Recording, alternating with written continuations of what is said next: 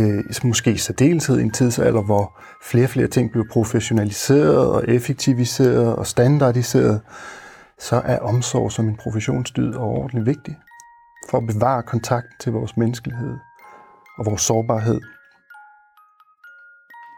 I dag, første søndag i advent, skal vi tale om omsorg.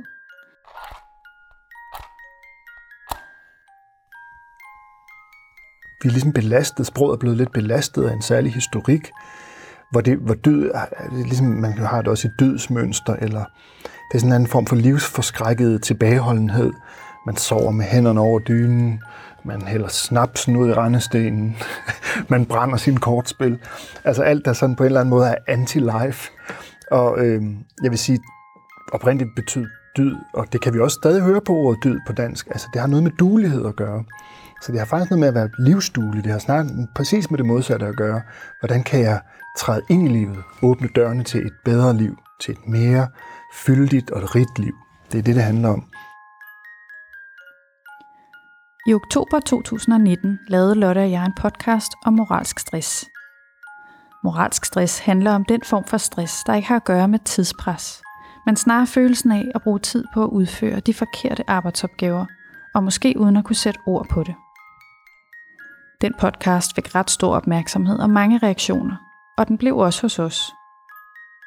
Derfor har vi sat os for at undersøge, hvordan man kan genvinde gejst og energi, når man bliver ramt af moralsk stress.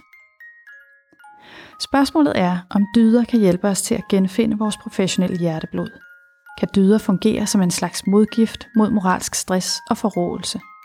Kan de ilte vores faglighed og kaste lys på det, der i sin tid fik os til at vælge vores fag? Vi har inviteret Ulrik Hovlind Rasmussen, lektor og filosof, til en samtale om dyder. Du lytter til Maja Huk og Lotte Andersen på Velfærdsprofeten fra Københavns Professionshøjskole.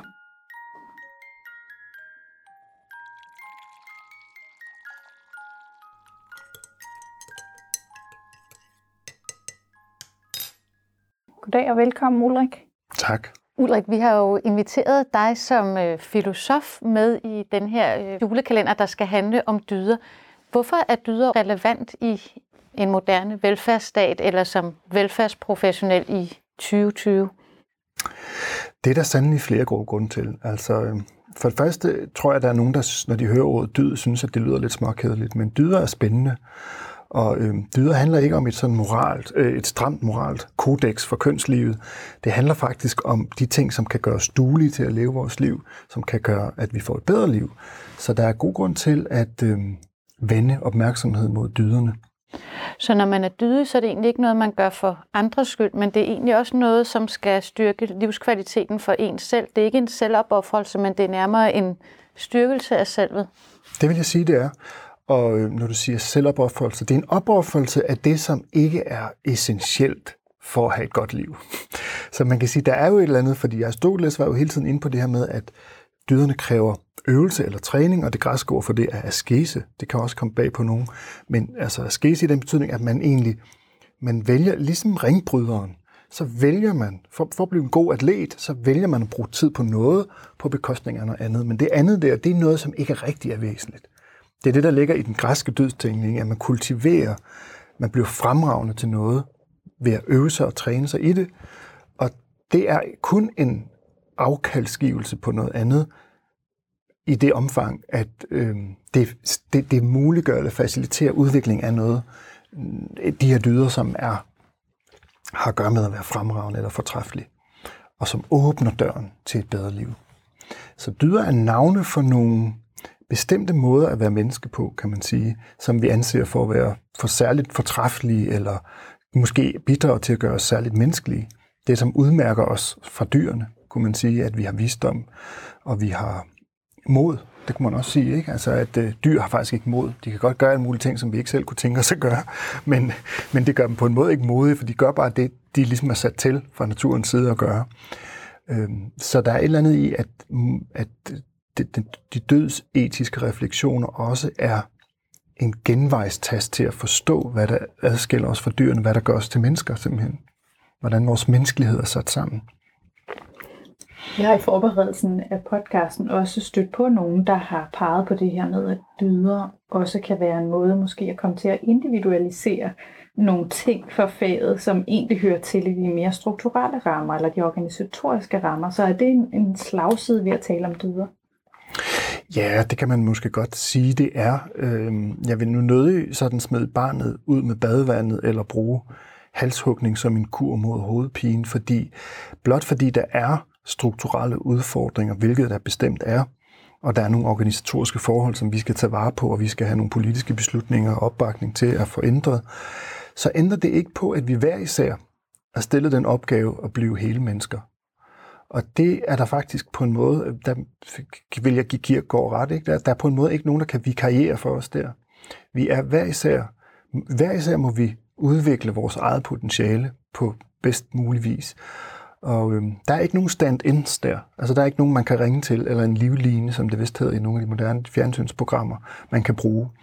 Det må vi hver især selv, og det betyder selvfølgelig ikke, at vi ikke kan øh, lave fællesskaber, der faciliterer, som det er blevet moderne at kalde det, som understøtter udvikling af de her ting. Det, det er jeg stor tilhænger af, at man gør, men det ændrer ikke på, at det er mig, der må kultivere mit mod. I dag skal vi snakke om omsorg. Ja. Kan du starte med at fortælle, hvad er det egentlig for, hvad ligger der egentlig i det begreb? Ja, altså omsorg, mener jeg, refererer til en personlig præget omhu og aktiv interesse for løsningen af nogle udfordringer, man står overfor. Og både, det gælder både i forhold til sig selv og i forhold til andre mennesker. Så man kan vel sige, at øh, omsorg dækker over en evne eller vilje til at tage vare på ens eget og andres velbefindende. Og man kan måske også høre på ordet omsorg, at det har noget at gøre med at sørge for. Det er beslægtet med sørge for noget, og man kan også høre på ordet, at det rummer et element af sorg. Så det vil sige, at det har også et eller andet at gøre med at fornemme eller sanse smerte, lidelse hos andre, hos sig selv, så man kan udvikle medfølelse, empati og indlevelsesevne. Når jeg tænker på omsorg, så tænker jeg det ofte i sådan private relationer. Forældre drager omsorg for deres børn, eller man drager omsorg for de syge, eller ældre i ens øh, familie eller omgangskreds. Hvordan ser omsorg ud i en professionel relation? Jamen, jeg er sådan ikke sikker på, at der er den helt store forskel rent faktisk. At øh, på indholdssiden er, er den her omsorgsfølelse lavet noget af det samme, vil jeg mene. Og øh, det, der måske kunne være interessant at gøre her, det er at skille mellem altså noget, der ligger sådan en beslægtet, skal vi sige, følelse eller dyd øh, i forhold til omsorgen, er medfølelse, vil jeg mene. Og øh, der mener jeg, at det er hjælpsomt at skelne mellem medfølelse og medlidenhed. Nietzsche, den tyske filosof, har på et tidspunkt sagt, at når vi er medlidende, så øger vi egentlig bare mængden af lidelse i verden. Han, han, han omtaler medlidenheden som lidelsens multiplikator og elendighedens konservator. Og det er jo flotte ord, men det, det, han, det hans pointe er egentlig ikke, at vi ikke skal udvikle empati og indlevelsesevne, eller det vi på dansk og på tysk vil kalde for medfølelse, midtgefühl, men at, at det, er en anden, det er en anden kaliber. Det er et eller andet med at kunne være med, som vi også skal høre på ordet medfølelse. Noget med at kunne være med følelser, som er svære, vanskelige, udfordrende. Og, øh, og der, der ser jeg egentlig ikke nogen nævneværdig forskel mellem det private regi og det offentlige eller øh, det professionelle værv. Så hvis man skulle flytte det til omsorg, så kan man sige, at i stedet for at øge sorgen, så skal man være omkring sorgen med den, man øh, skal hjælpe. Ja, det vil være en fin måde at sige det på egentlig. Altså at give plads til, det er det, der ligger i at rumme eller kunne være med sorgen. Kunne være med eller omkring sorgen. Og hvorfor er det en vigtig dyd for velfærdsprofessionerne? Ja, altså jeg vil sige, det har jo noget at gøre med vores menneskelighed. Det har noget at gøre med at øh, bevare sansen for, at øh, vi er stedt i situationer, som er lidelsesfyldte og smertefulde. Og øh, man kunne sige, at, at omsorgen har at gøre med hjertet. Det er også en hjerte, en, en hjertedyd. Og det har noget at gøre med at øh, genkende menneskeligheden i sig selv og i andre. Og det er jo, anser jeg for at være overordentligt væsentligt øh, måske i særdeleshed i en tidsalder, hvor flere og flere ting blev professionaliseret og effektiviseret og standardiseret, så er omsorg som en professionsdyd overordentligt vigtig for at bevare kontakten til vores menneskelighed og vores sårbarhed. Der er endda nogen, en tysk filosof, der hedder Peter Sloterdijk, der har sagt på et tidspunkt, at mennesket adskiller sig fra andre dyr, der ved, at det har et, det råder over et brystkasseprivilegium. Det vil sige, at vores brystkasse er på en måde sådan lidt ubeskyttet. Og det kalder han altså, det, det, som det giver anledning til en forhøjet grad af sensitivitet og sensibilitet over for omgivelserne. Det er jo en meget fin måde at sige det på, ikke? at mange dyr de, de, de bevæger sig på en måde, så brystkassen ikke er eksponeret. Men hos mennesket der er det mest sårbare på en måde åbent. Det synes jeg er meget fint at sige, at det er sådan en påmindelse om, kan man også sige, en, en evolutionsmæssig, et evolutionsmæssigt raffinement, der har bragt os til at kunne udvise den her form for delikat omsorg for os selv og for andre mennesker. Så er det lidt det samme, som når Løstrup taler om den her øh, væren for andre, eller man møder hinanden i tilliden til, at den anden ikke slår en ihjel. Ja, altså det vil jo så være tilliden nu, du fremhæver, ikke? Og det kan man sige, at, øh, altså det vigtige tror jeg at sige, at, at bare, at, man kan sige, hvis tilliden bliver noget, der fjerner sensitiviteten, så er det jo på en måde, så, kan det, så bliver det på en måde lidt modsætning ret hurtigt. Ikke?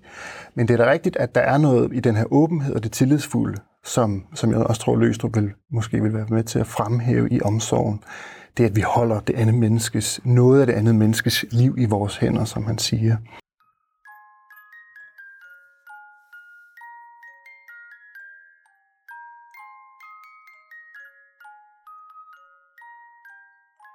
Når vi taler om at udvise omsorg i sit værv, så er det jo meget det, der foregår på ydersiden, kan man sige. Men en del af det, du taler om her, det er noget af det, der foregår på indersiden, at man kan mærke, som du siger, den andens sorg og hvor den anden er. Så er empati en forudsætning for at kunne udvise omsorg? Ja, de er i hvert fald nært beslægtede, øh, vil jeg mene. Og i det hele taget, den her skældning mellem indre og ydre, er måske ved, en nærmere, ved et nærmere eftersyn en lille smule problematisk.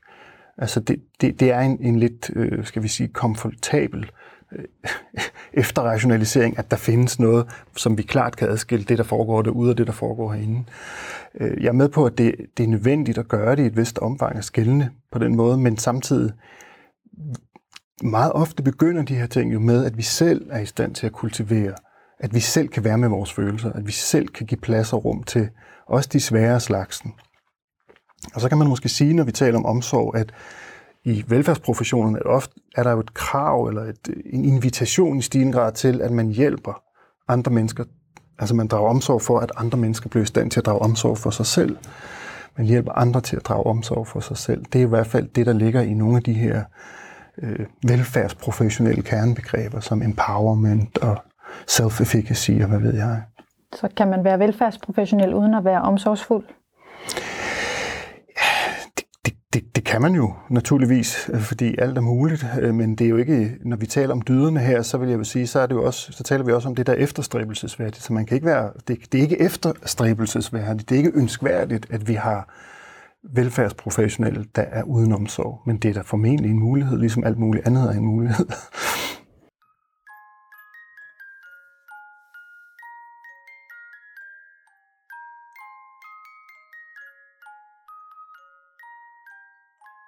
Men er der også en form for hierarki i omsorg, at det er overhovedet at give omsorg til andre, at det kobler sig til, at man er lidt bedre end den anden, eller den anden skal være lidt mere ydmyg end den, der giver omsorg? Mm. Ja, det er jo sådan en slags postmoderne kritik af, af noget af omsorgsfagene, at der er sådan en øh, diskret magt, der har snedet sig ind i baggrunden. Og det tror jeg da ikke, vi kommer udenom, at der kan være. Øhm, igen, så må man sige, så, så er det et spørgsmål om oprigtighed og et spørgsmål om, øh, at man er villig til, som velfærdsprofessionel, som sundhedsprofessionel, velfærdsprofessionel, at undersøge sine egne motiver. Det mener jeg egentlig er en sådan fælles nævner for arbejdet med dyder, at vi er indstillet på at invitere os selv ind i en slags kritisk refleksiv undersøgelse af, hvad det er, vi har gang i. Det vil jeg sige er, er simpelthen en fælles nævner for de her dyder, vi taler om. At det kræver en eller anden form for øh, et, et rum af refleksiv kapacitet, altså et sted, hvor vi stiller os ind og begynder at se lidt nærmere på, hvad er det egentlig, der motiverer mig til, og hvad, hvad er jeg taget af i den her situation? Fordi jeg tror ikke, vi skal prøve at bortlive den kendskærning, at vi mennesker kommer bag på os selv. Vi kommer simpelthen bag på os selv. Vi har ikke fuldstændig klart indblik i, hvad vi har gang i. Så det kræver, det kræver sådan, og der kan man sige, hvis vi skulle tale om det på uddannelsesniveau, vil man sige, reflekterende teams, noget, hvor man kan blive spejlet lidt tilbage, hvad er det i grunden, vi er optaget af, og måske også moderne øh, altså for eksempel video og sådan noget, kan bidrage til at stille skarpt på en øget refleksiv praksis i velfærdsprofessionerne.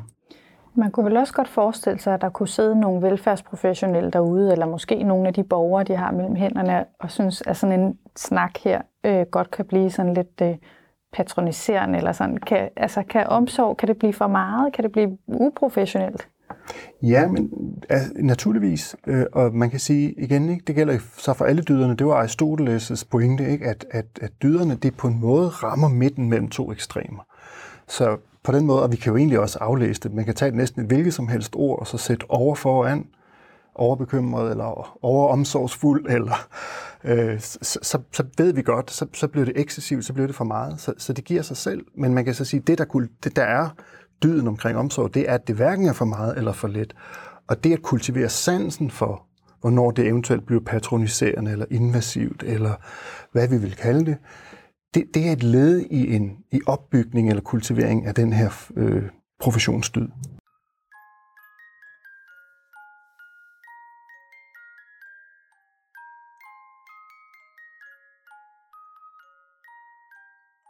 Dyder, at som for eksempel omsorg, er det noget, man kan tillære sig, eller er det en medfødt egenskab, man har? Ja, jeg vil helt sikkert mene, at det er noget, man kan øve sig i at blive bedre til. At det er, det er en praksis, og det er jo ikke noget, jeg finder på. Det er jo noget, Aristoteles fremhæver. Ovenikøbet i et sådan omfang, han siger, at det kræver, og han bruger det græsk ord askese. Det er meget uvandt for os, at det, men det betyder egentlig øvelser og træning af askesis. Og at vi skal øve så meget, at det bliver øh, at det ikke længere bliver en kraftanstrengelse. Det synes jeg, det synes jeg er en, en smuk tanke, at vi opøver på en måde øh, en kapacitet til at respondere på nuets krav i et sådan omfang, at vi ikke skal anstrenge os for det. Det flyder mere spontant eller frit for os. Vi, vi har simpelthen, men det, det kræver altså træning og øvelser, så det er bestemt noget, vi kan, men vi har et anlæg for at udvikle det, kan man sige. Altså, vi har alle sammen øh, kapaciteten eller evnen eller et anlæg for at udvikle medfølelse. Helt sikkert. Man taler jo også nogle gange det her om, at velfærdsprofessionelle kan risikere at blive forrådet eller brænde ud. Hvis vi forventer, at man skal kunne vise omsorg, også på den måde, vi taler om det her, hvor det også er, hvor man sørger med og så videre, altså hvor man virkelig går ind i det, der sker over hos, hos den anden, er der så ikke en risiko for, at vi brænder ud? Jo, og jeg tror heller ikke, jeg vil formulere det som det, at vi skal sørge med. Jeg tror, så vil vi gå i retning af medlidenheden. Ikke? Noget, der øger mængden af lidelse. Det er snarere en, en, en rummelighed. Det er snarere et eller andet med at kunne give plads til. Og der kan man sige igen, selvfølgelig er der altid et farmoment i, at man så tager det med sig hjem, eller at man øger og, øh, mængden af lidelse. Men øh, igen, den her skældning mellem indre og ydre er på en måde måske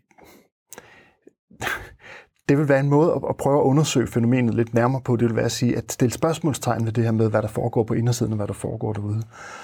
Men, øh, men klart, der er altid et faremoment bygget ind i de her dyder. Altså igen, det kan man sige, hvis man overgør det, så, bliver det, så er det ikke længere en dyd, så bliver det til en last, en belastning, som vi kan høre på ordet også. Ikke? En belastning, hvor man tager det med sig hjem og brænder ud.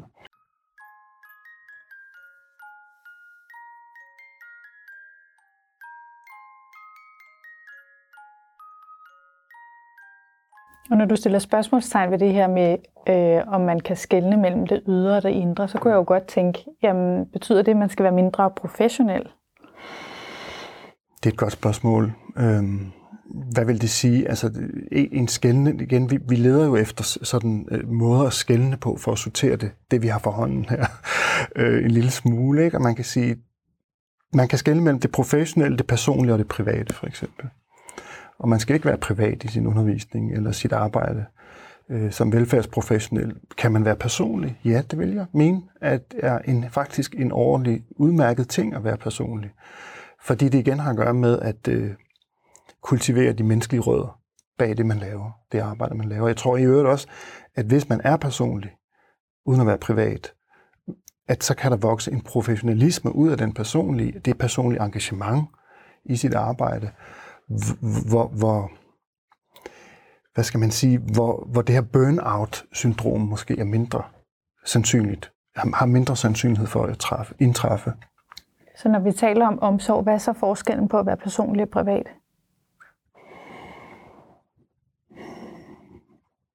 Det ved jeg ikke. Det kræver, det kræver nærmere eftertanke, tror jeg, hvis man skal trække et klart skæld der. Øhm. Egentlig vil jeg sige, at fællesnævner for de dyder, vi taler om, ligesom jeg sagde, der var et eller andet med at finde balancen mellem to yderligheder. Det andet vil sige, det er altså en måde, som jeg selv har arbejdet lidt med at prøve at oversætte de her ting til, det er jo, det er jo ud fra begrebet responsivitet, som, som, som i stedet for at tale om provisionsstød, kan man sige, det har et eller andet at gøre med vores evne til at respondere på de krav, vi møder i vores arbejde og i vores relationer. Altså at, øh, selvfølgelig med den sindrige pointe, at det, der ligger i responsivitet, øh, responsivitetstanken, det er, at vi kan ikke ikke svare. Så vi er altid kaldet ind i en eller anden form for svarsituation. Så vi kan selvfølgelig godt ignorere de krav, der bliver stillet, eller forsøge at forbigå dem. Men vi kan ikke trække os ud af det forhold, at vi altid allerede er, befinder os i en situation, der kalder på en eller anden form for responsivitet. Så når du spørger privat, øh, personligt, så kan man ikke afgøre det en gang for alle udefra. Så er det så at sige en, en afvejning, der må finde sted med situationsfornemmelse og begivenhedssans. Og du talte om, at øh, det her med at være øh, omsorgsfuld, at det var også sådan en idealhorisont eller noget efterstræbelsesværdigt. Jeg får lyst til at sige, når ordet idealer kommer op, for det er jo rigtigt nok, at jeg har kaldt det noget efterstræbelsesværdigt. Og det er jo også det, der ligger det græske ord for død, aritet, det er sådan en, det man kalder en superlativ, så det vil sige, det, det er det bedste, det mest fremragende, det fortrinlige eller fortræffelige. Så der ligger selvfølgelig et eller andet ideal, men Nietzsche, som jeg talte lidt om før, han har den pointe, at hver gang noget bliver til et ideal, så bliver det også hurtigt en klods om benet på os. Det kan det i hvert fald det kan, det kan udarte sig til noget problematisk, ikke? fordi det på en eller anden måde betyder, at vi løber væk fra det, der er her nu. Fordi vi har en idé om, hvordan vi skal opføre os og hvordan vi skal være. Så det er sådan lidt mere grumset, det der landskab. En af de velfærdshelte, vi kommer til at portrættere her i løbet af ugen i, øh, i vores øh, julekalender. Hun, øh, hun skriver sådan noget med, at omsorg er noget, vi er for hinanden som samfund. Jeg bidrager til, at alle kan få den hjælp, de skal have, når de har brug for det. så jeg kan godt føle mig, som om jeg er her på vegne af os alle sammen. Så er omsorg, er det også noget, vi skal løfte som profession, eller kan vi løfte det som individer? Jeg vil sige, at det, som samfundet skal, skal løfte i den forbindelse, så vidt jeg kan se, det er jo rammerne. Det, det er altid, når jeg hører ordet samfund, så mener jeg særligt, det handler om at, hvad skal man sige, det man på moderne dansk kalder facilitere, muliggøre, at man kan arbejde på en sådan måde, at man bevarer kontakten til sin omsorgsfuldhed, både over for sig selv som, som ansat, men også over for borgeren eller patientgruppen, eller hvem det måtte være, man arbejder med. Så, så det samfundsmæssige ansvar er egentlig at kultivere institutioner, der giver plads til, at disse dyder kan vokse frem. At de kan få et liv. Tak fordi du øh, vil dele dine tanker om omsorg som dyd med os. Selv tak.